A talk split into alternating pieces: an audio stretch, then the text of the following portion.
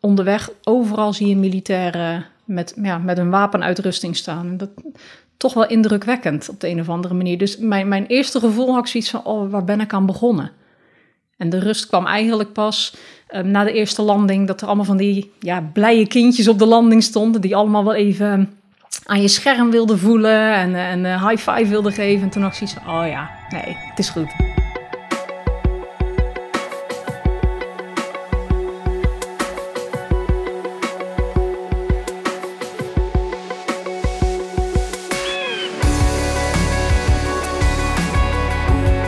Hallo, leuk dat je luistert naar Vliegpraat, de podcast over paragliding en alles wat daarbij komt kijken. Mijn naam is Harold Brouwer en deze aflevering gaat over verre reis. Paragliding, niet hier in Nederland of zelfs in Europa, nee, andere continenten ontdekken. Duizenden kilometers verderop met je paraglider als hoofdbagage. Waarheen? Waarvoor? Bespreek ik met Nanny Bos. Hoi. Welkom in Vliegpraat. Ja, dankjewel voor de uitnodiging. Zou je jezelf willen introduceren? Nou ja, ik ben uh, Nanny. Ik vlieg sinds 2009. Um, ja, mijn B3-brevet gehaald, mijn tandem-brevet gehaald. En uh, nu zoveel mogelijk willen vliegen en zoveel mogelijk uh, verre reizen willen maken. Waar kom je vandaan? Zeeuws-Vlaanderen. Oeh, dat is een endweg. Ja. Voordat we het gaan hebben over het maken van verre paraglidingreizen, de vijf bekende introductievragen. In welk jaar ben je begonnen met paragliding? In oktober 2009. Wat is je favoriete startmethode? Achterwaarts. Een zit- of een ligharnas? Goeie vraag. Um, ik vlieg nu twee jaar met een ligharnas. Ik moet zeggen dat ik het wel een heel stuk comfortabeler vind. Ja, met lichtharnas lig ik gewoon lekkerder, relaxter, uh, ja, comfortabeler en minder koud. Ik ben een echte koukleum. In welk land wil je nog eens vliegen? Amerika.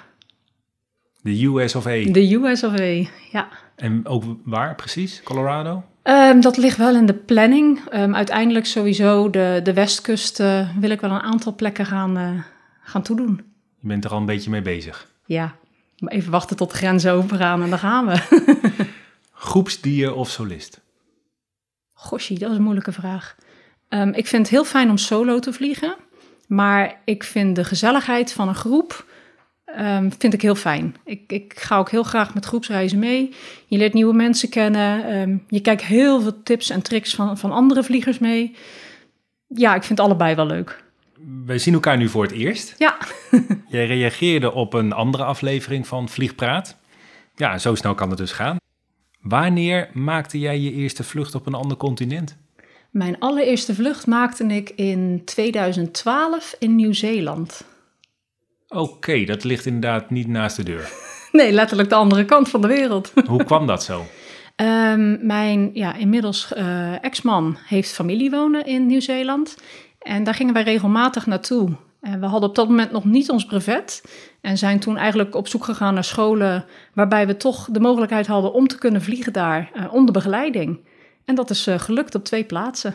En waar kwam je uit? Nieuw-Zeeland bestaat uit twee grote eilanden, Noorder- en het Zuidereiland. Ja, ja, we hebben gevlogen in Queenstown en in Nelson. Dat is het Zuidereiland. Zuidereiland, ja. Het grootste ook, geloof ik. Ja, het dunst bevolkte. Het dunst bevolkte. En Queenstown, daar, dat, daar heb je ook veel bergen? Ja, Queenstown is een beetje het uh, thrill-seeker plaatsje van uh, Nieuw-Zeeland. Alles uh, met uitdagende sporten kan je daar vinden. En daar heb je inderdaad redelijk wat bergen ja. En daar ben je naar een school gestapt? Ja, we hadden gewoon vooraf een e-mail gestuurd van... goh, dit en dit is onze stand van zaken. En uh, wij zouden heel graag willen vliegen daar. En daar waren ze eigenlijk hartstikke enthousiast over. Uh, zodoende mochten wij meevliegen met materiaal van hun toen de tijd nog. Oké, okay, dus je hebt niks mee hoeven nemen? Nee, toen, toen nog, nog, niet. Nee, toen waren we ook nog zelf in opleiding... en hadden zoiets van, we kopen het materiaal zodra we uh, onze brevetten hebben. En um, je hebt daar een cursus geboekt? Nee, um, het was heel grappig. Mijn, uh, mijn schoonvader die wilde heel graag tandem vliegen. Dus die mocht de hele dag mee op de tandem. En wij zijn uh, de hele dag eigenlijk uh, wezen vliegen. Gewoon alleen met, met een heel klein groepje. En hoe was dat? Gaaf. Heel gaaf. We zijn sowieso in Nieuw-Zeeland um, zijn we eraan verslaafd geraakt. Omdat wij in 2008 daar onze eerste tandemvlucht hebben gedaan. Dus het was heel bijzonder om daar uiteindelijk dan um, solo te kunnen staan, terwijl dat je je brevet nog niet hebt. En dat weer op die plek mee mogen maken, ja, dat is geweldig. Hoe hoog zijn de bergen daar? Niet mega hoog in het gedeelte waar wij hebben gezeten, zo'n 600, 600 meter. Oké. En dan vlieg je in Nieuw-Zeeland. Ja, dat... Ja, dat is ongelooflijk. Echt ongelooflijk. Wat betekent voor jou vliegen eigenlijk? Nou ja, het is eigenlijk wel een beetje mijn, uh, mijn passie. Mijn, mijn, ja, ik doe er heel veel voor. Ik heb, ik heb er zelfs een tatoeage voor laten zetten onlangs. Maar, um, en het is zo erg dat ik nu ook als ZZP'er ben gestart om meer tijd vrij te kunnen gaan maken om te kunnen gaan vliegen. Want wat deed je? Ik uh, werkte bij een uh, petrochemisch bedrijf waar ik uh, als planner functioneerde. En wat doe je nu? Nu ben ik personal assistant op afstand. Juist, overal de laptop mee. Overal de laptop mee en werken wanneer ik wil. En vliegen wanneer ik wil, hopelijk. ja. Maar goed, nog even in Nieuw-Zeeland. Kun je even, hoe, want hoeveel dagen, weken, hoe, hoe lang heb je daar gevlogen? In Nieuw-Zeeland hebben we uiteindelijk drie dagen gevlogen.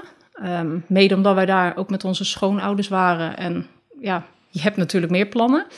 Maar we hadden altijd de intentie om toch nog een keer terug te gaan. Maar toen werd mijn nieuwsgierigheid eigenlijk gewekt door meerdere continenten. Want ja, wat in Nieuw-Zeeland kan, kan natuurlijk ook op meerdere plaatsen. Dat begon toen al een beetje. toen begon het al. Avontuurlijk ingesteld dus. Absoluut. Want in welke landen op andere continenten heb je nog meer gevlogen? Uh, naast Nieuw-Zeeland heb ik in Australië gevlogen, um, Zuid-Afrika, Colombia.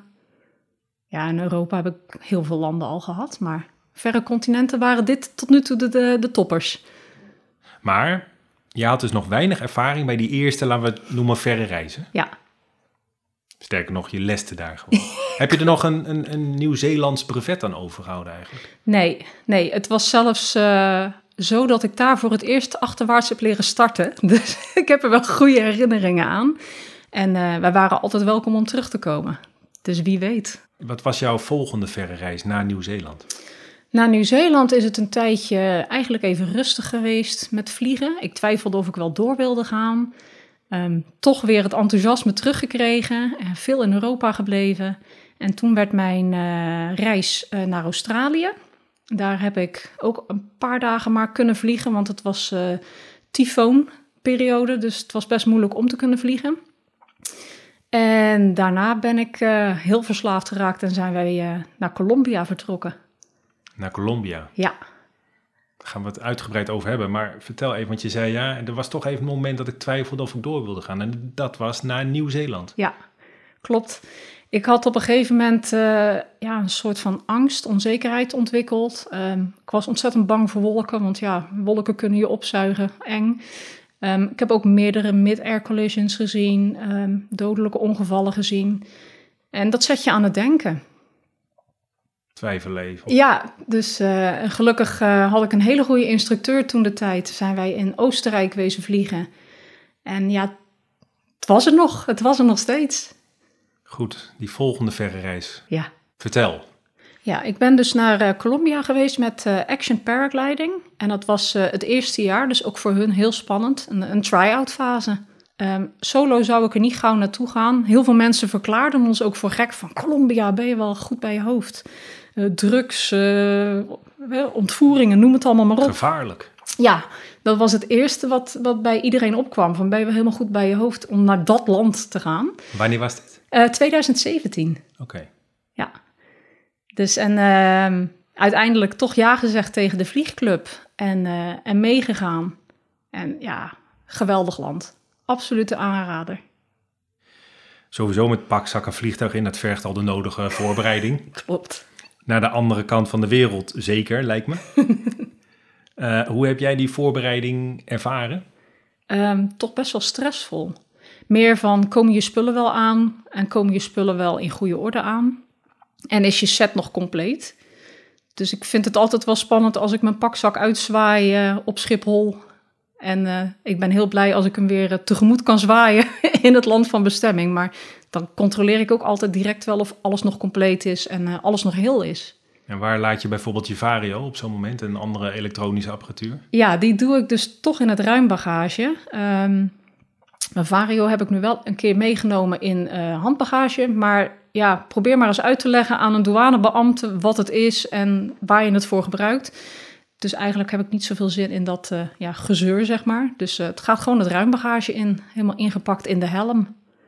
Wat moest je allemaal regelen voordat je op, uh, op pad kon naar nou ja, Zuid-Amerika? Ik vond sowieso een goede reisverzekering vind ik toch wel belangrijk, zeker in, in zo'n land. Um, ja, zorgen dat je de, de juiste middelen had. Um, maar ik heb ook heel veel filmpjes op YouTube gekeken van goh, hoe zijn de landingen daar, hoe zijn de startplekken daar. Um, zodat ik ook zeker wist dat ik de juiste materialen meenam als, als de juiste schoenen en, en dat soort dingetjes. Ja, en dan pakken, hè? En dan pakken. En dat, dat is voor, ja, waarschijnlijk ben ik, ligt aan mij, ik ben een vrouw. Nee hoor, ligt niet aan jou. Best nee. een uitdaging. Nee, nee, ligt niet aan jou. Nee, nee ik, uh, ik vind altijd wel um, passen en meten. Ik vind echt passen en meten. En dan, ja, je wil natuurlijk je helm ook veilig uh, vervoeren. Dus die pak je dan ook nog in, in allemaal kleding en, en kledingstukken. En ja, dan is het echt maar hopen dat het gewoon goed aankomt zonder breuken. Altijd spannend. Ja, en dat is goed gegaan tot nu toe. Het is hartstikke goed gegaan tot nu toe, ja. Even afkloppen. Ik heb ook wel eens met een piloot gesproken en uh, ja, die wilde per se niet vliegen in een land waar de medische omstandigheden, uh, laten we zeggen, niet picobello waren. Hoe kijk jij daarnaar? Um, ik heb daar eigenlijk geen zorgen over, maar dat komt ook waar ik toen mee ben geweest. En die hebben alles echt tot in de puntjes geregeld. En er is uiteindelijk bij ons ook een ongeval geweest. Iemand had zijn enkel gebroken. Maar gewoon um, de zorg aan zich in, in het ziekenhuis en alle medische dingen eromheen. Het, het was gewoon top geregeld. Heb je nog speciale verzekeringen nodig? Nee, ik heb wel mijn reisverzekering um, extra nagekeken en ook navraag gedaan in hoeverre um, de medische zorg geregeld is in geval van een paraglidingongeluk in een, ja, een, een Europees of een, een ander continent. En, wat stond er? Nou, de omschrijving was een beetje vaag en dat, dat zette mij ook aan het denken. Maar toen heb ik contact gehad en bleek toch alles wel um, gedekt te zijn. En uiteindelijk heb ik het ook zwart op wit per e-mail gekregen. Dus dat gaf mij wel een stukje rust. Ik heb één keer uh, drie weken in Peru gevlogen. Wauw. En uh, daar kreeg ook iemand een ongeval. Die kwam toen in een, uh, ja, een soort streekziekenhuisje terecht. En er was een kamer waar alleen maar een zuurstoffles stond en dat was het, zeg maar. Dus uh, dat heeft mij toen ook wel een beetje aan het denken gezet. Ja. Liep allemaal goed af verder, maar... Nou, en dat, ja, dat gaf mij... Um, mij gaf het een heel stuk zekerheid dat ik daarom dus met een, een school ben gaan vliegen. Omdat ik zelf zoiets had van, ik ben onbekend daar, ik weet niet wat ik moet verwachten. Hun werken daar met lokale gidsen. Het gaf echt een stuk rust. Ja. Wat voor scherm had je mee? Uh, toen vloog ik nog Ozone, een bus, een bus Z5, een lage B. En wat vlieg je nu? Advanced XI, hoge B. Oké. Okay. Ja, Colombia, wat is je bijgebleven van die reis?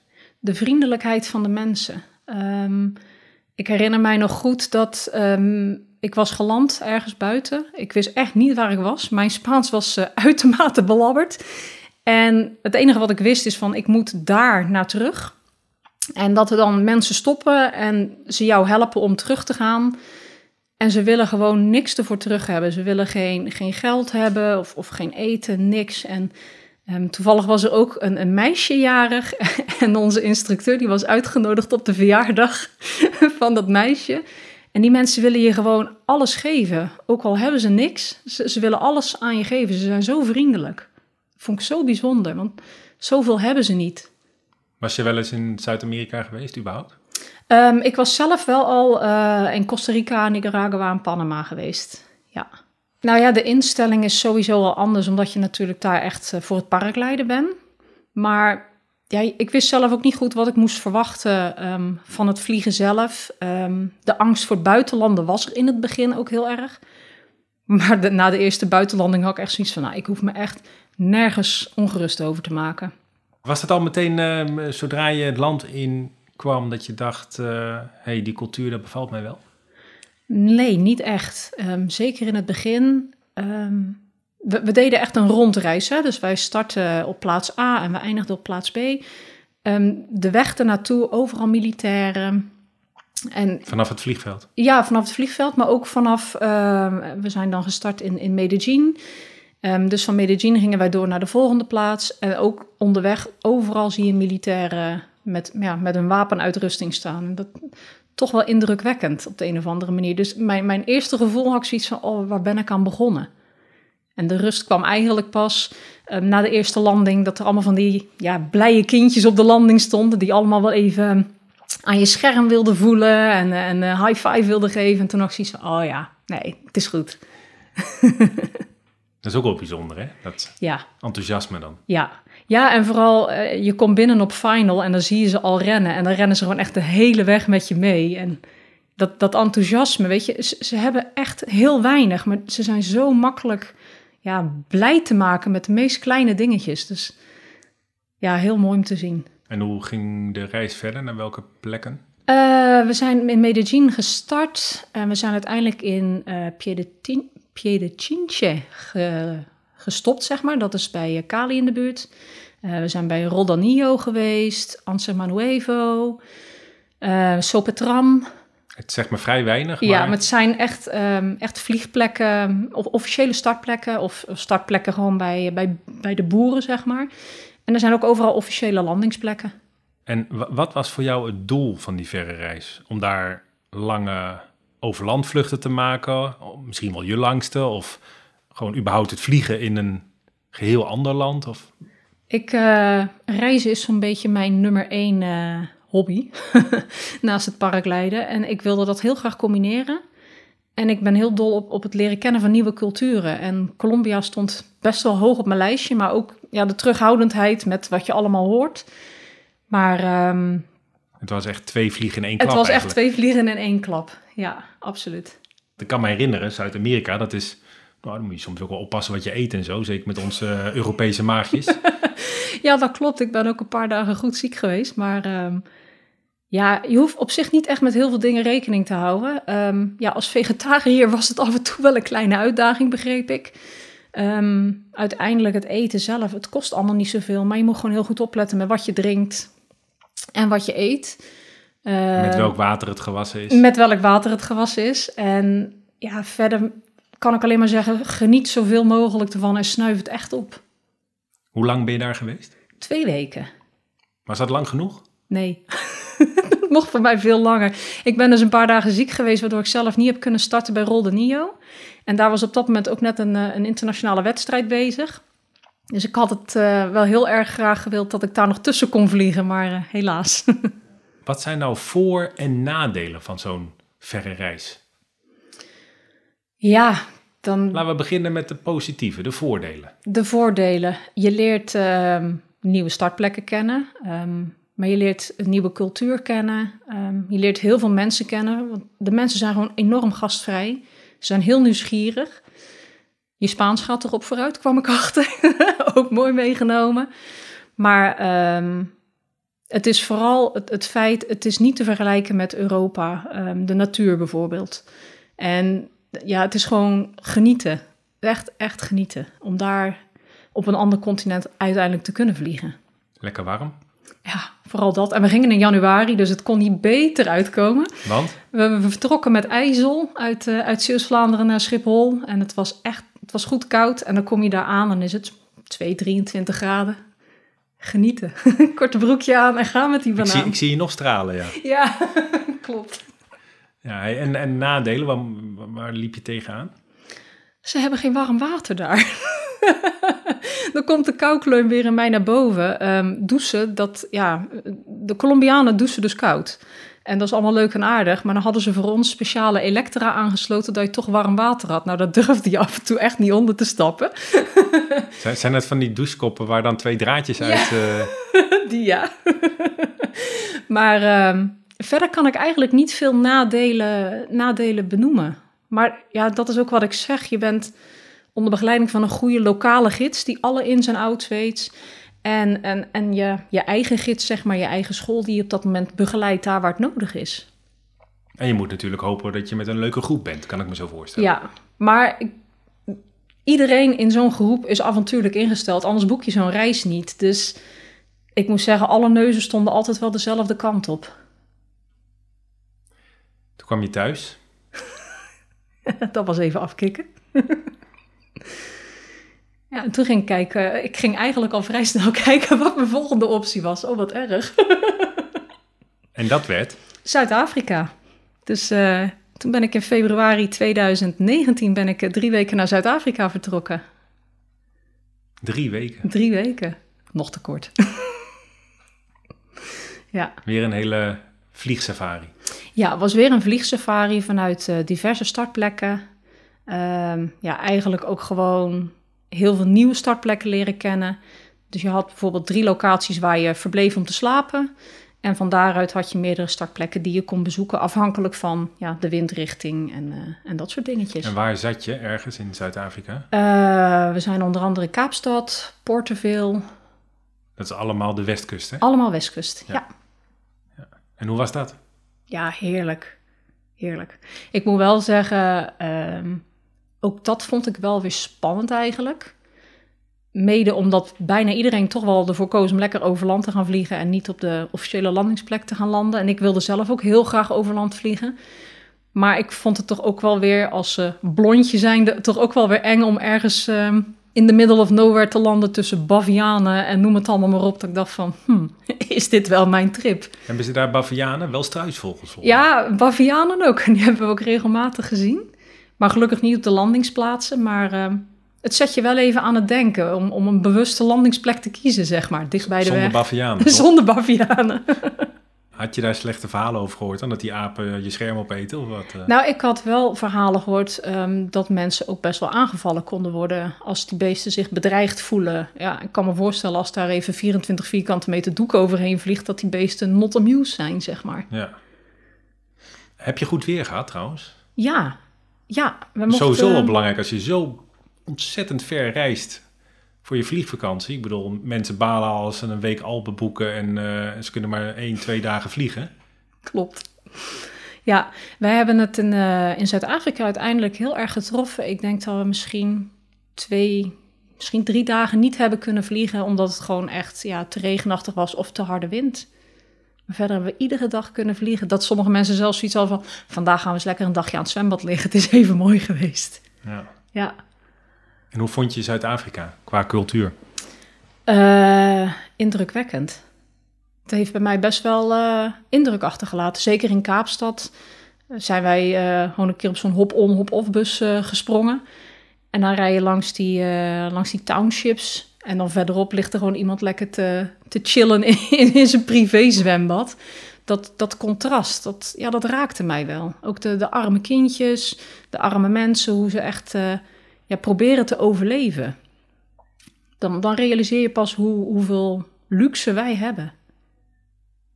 Ja, en tijdens het vliegen zit je natuurlijk op vliegplekken. Zie je, krijg je daar weinig van mee, kan ik me voorstellen. Ja, je krijgt er vrij weinig van mee. Behalve als je over land gaat en je hoort in één keer over je radio... Um, zorg dat je genoeg hoogte hebt, want bij dat township wil je niet landen. Oké. Dan krijg je dat soort dingetjes wel mee, ja. Ja, is ook niet gebeurd. Nee, gelukkig niet. Wat voor vluchten heb je daar gemaakt? Uh, hele mooie lange vluchten. Um, onder andere bij Porteville hebben we hele mooie lange vluchten kunnen maken. Uh, Franshoek, ook een uh, heel mooi plekje. Zijn we uiteindelijk met een klein groepje zeg maar, doorgetrokken. Maar ook prachtig, prachtige soarstarts heb je daar. Waar je heerlijk gewoon ja, uren aan, aan het duin kan, kan vliegen. Gewoon langs ieders huis eventjes binnenspieken en weer lekker doorvliegen. Je hebt daar ook uren in de lucht gehangen. Ja. En afstanden kunnen maken. Ja, ik ben niet echt een afstandseter. Ik moet zeggen dat uh, het smaakt naar meer. Dat is nu de laatste jaren wel gekomen. Maar echt de grote afstanden zijn me daar niet echt gelukt. Maar ik heb wel hele mooie low saves gehad. En ik moet zeggen, dat geeft ook wel een enorme kick. Geeft echt een leg, leg even uit. Um, we waren gestart in Porterville. En ik was samen met de instructeur uh, aan het temiek. En op een gegeven moment, ik was alles kwijt. Dus uh, ik gaf al op de radio door van, nou weet je, ik, ik ga hier landen. En ik was eigenlijk al bezig op mijn final. En ja, mijn vario die piepte. Ik denk, ja, uh -huh. En toch geprobeerd te draaien. En ik zat in, in drie, vier minuten tijd... zat ik gewoon weer terug op 1200 meter. En uh, was het weer, uh, hoi, ik ben er weer. En uh, kom, we gaan weer gezellig verder. Heel kicken.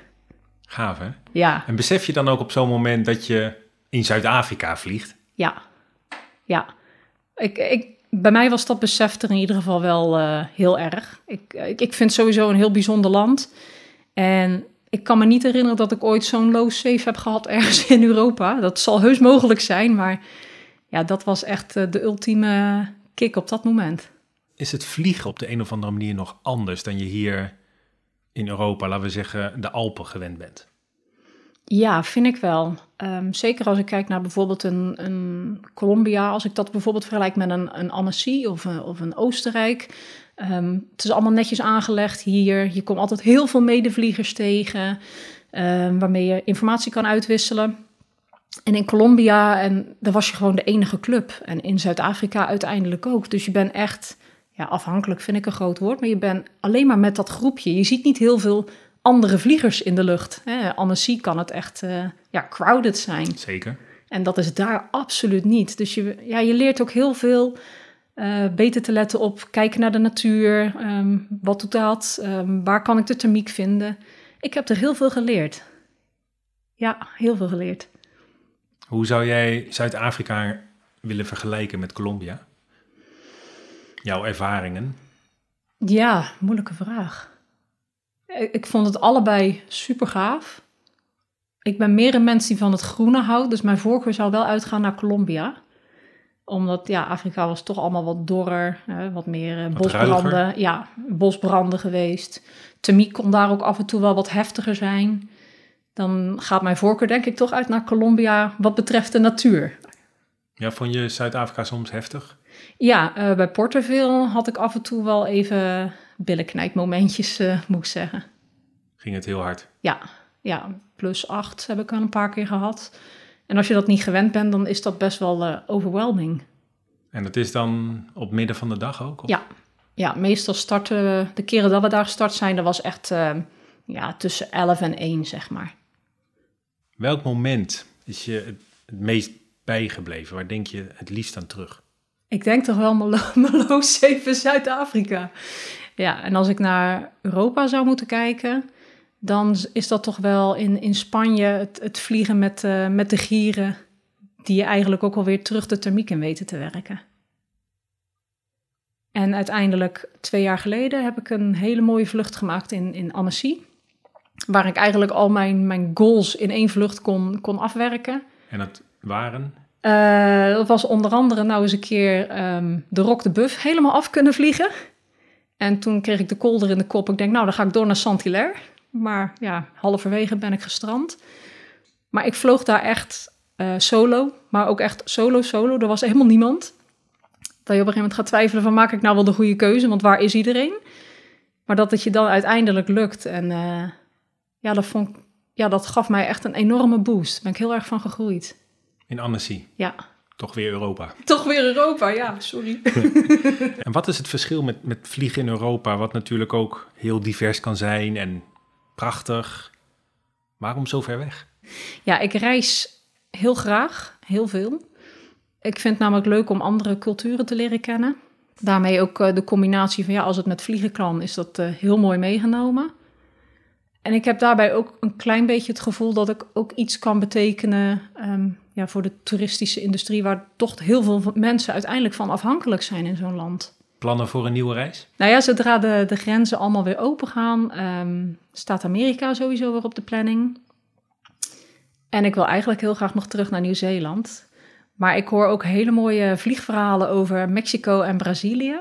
Dat ga je niet redden in één vakantie? Nee, dat ga ik niet redden in één vakantie. Maar ik heb nog genoeg dagen staan, dus wie weet. We hebben nu gehad over landen heel ver weg. Maar heb je ook een favoriet Europees land waar je graag vliegt? Ik twijfel tussen Frankrijk en Slovenië. Laten we het op Frankrijk houden. Ja. Frankrijk in Europa en heel veel landen erbuiten. Juist. Welke tip zou jij de luisteraar willen meegeven? Um, blijf dicht bij jezelf, maar blijf ook heel bewust um, van de risico's. Um, zeker het afgelopen jaar heb ik best wel veel mensen gehoord die een ongeluk hebben gehad, die al jaren vliegen. En daarbij heb ik eigenlijk zoiets van, ja, probeer weer eens even goed ja, bij jezelf te blijven. Blijf gefocust, maar blijf ook vooral genieten. Zeker in de lucht, blijf vliegen, maar uh, blijf bewust van, van de risico's. Dat kan natuurlijk heel ver weg, maar ook gewoon in Nederland of in Europa. Ja, ja het liefst ver weg natuurlijk. Genieten. Dankjewel. Alsjeblieft.